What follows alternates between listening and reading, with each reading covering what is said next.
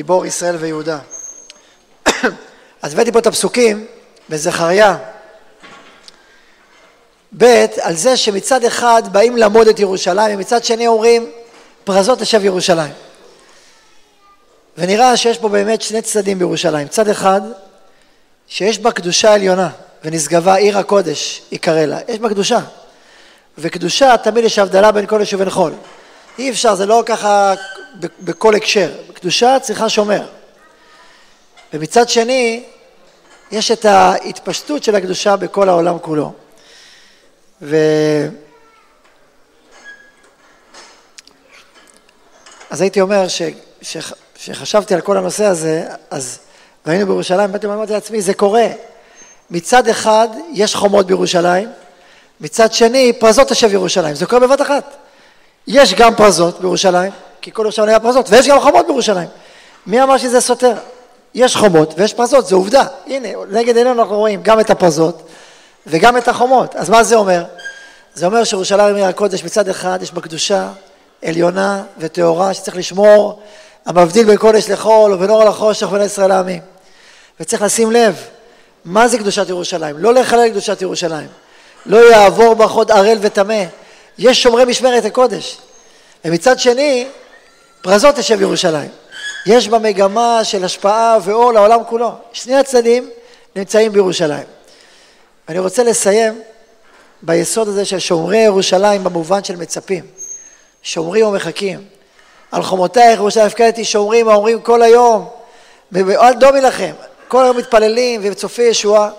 יש סיפור מופלא על השופר של הרב גורן, שתקע, הרי כולם יודעים שהוא תקע בשופר, מאיפה עלה השופר? מאיפה השופר הזה? יש סיפור מופלא על השופר הזה, איך הוא הגיע לרב גורן.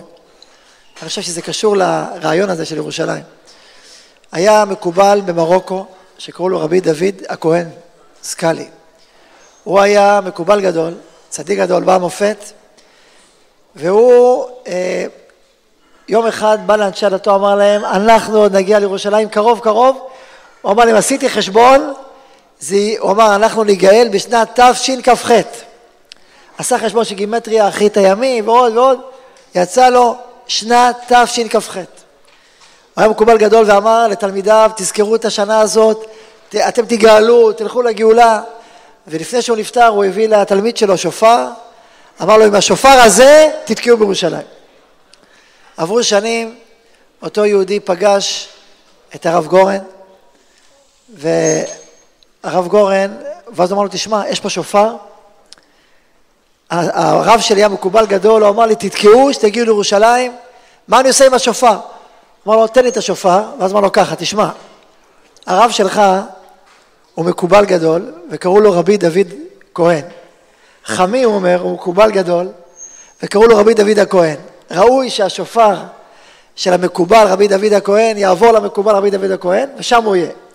לקח את השופר, נסע לחמי, ונתן לו את השופר, אמר תשמור את זה באיזה מקום. שמר אותו. עכשיו לרב גורן היה שופר משלו, אז הוא לא צריך את השופר הזה. רק אמר, הוא ישמור. והנה הרב גורן כידוע היה גיבור חיל ובכל הקרבות היה בקו האש, הגיע לסיני, פגע פגז בנגמה שלו, בגיד שהוא, הוא ניצל בנס, חשבו שהוא נפטר, חשבו שכל הפגז יתפוצץ, הוא ניצל בנס. אגב, לימים הוא סיפר שהוא הרגיש שהייתה עליו השגחה אלוקית מיוחדת ששמרה עליו איפה שהוא הלך.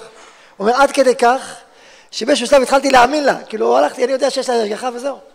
לכן הוא התנדב לטפס, להוריד את הדגל בחברון מה... בחברון, אז כל, הדג... כל, כל חברון הייתה דגלים לבנים, חוץ ממקום אחד שהיה דגל אה, ירדן. אז הוא אמר לנהג שלו, חייבים להוריד את הדגל של הירדן, מה זה פה? התחילו להתווכח מי יעלה להוריד את הדגל, הרי אפשר לצלוף פה בכל מקום. אז הוא אמר, הנהג אמר, אני, מה, אני אעלה? הוא אמר לו, לא, אתה עוד צעיר, אני, אני אעלה. הוא עלה והוריד את הדגל. הוא אמר, יש לה השגחה.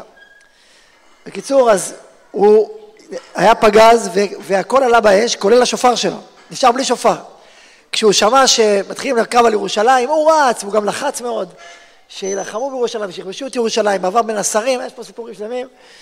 על כל פנים, אז כשהוא שמע שזהו, הקימו ירושלים, אז הוא לחץ על מות הגור, אמר לו, תקטי, הוא אמר לו, לא, לא קיבלתי פקודה, אמר לו, תפר את הפקודה, תגיד, אני נתתי לך את הפקודה, אני מוכן לקבל את האחריות. אני נותן לך פקודה, אמר ההיסטוריה לא תשכח לך את זה אם לא תעשה את זה. כן, ההיסטוריה לא תשכח לך, שנת תשכח, אם לא תיכנס לירושלים. אמר לו, אה, אני נותן לך את הפקודה. היה גבורה עצומה ואמונה אדירה. קיצור, אז הוא נכנס, בדרך הוא נזכר שאין לו שופר, רץ לחמיב, איפה השופר? עלה לקח את השופר מלמעלה, רץ פנימה, כולם יודעים שהוא רץ, לשער האריות, יוריד צלפים, הוא רץ, הוא רץ, הוא רץ עם החיילים, הגיע לכותל ותקע בשופר גדול עם כל ההתרגשות העצומה של, של עם ישראל, שהצנחנים, השופר הזה תקע בשופר גדול.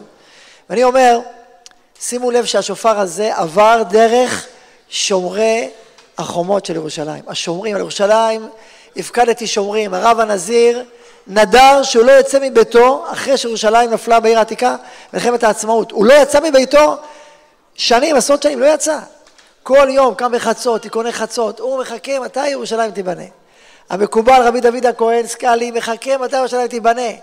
עם השופר הזה על הקומת קרים, על שומרי ירושלים הפיזיים, בא השופר הזה והוא זה שתקע בקול הזה השופר של ירושלים בשחרור ירושלים. תבינו מה זה על חומותיה, איך עכשיו הפקדתי שומרים. הקולות האלה של השופר, של התיקוני חצות, של התפילות ובני ירושלים, של הדמעות, של הצדיקי ישראל וכל ישראל איתם, של, של השומרים שהמצפים לישוע, הם אלה שפרצו ונישאו על גבי חיילינו ששחררו את ירושלים.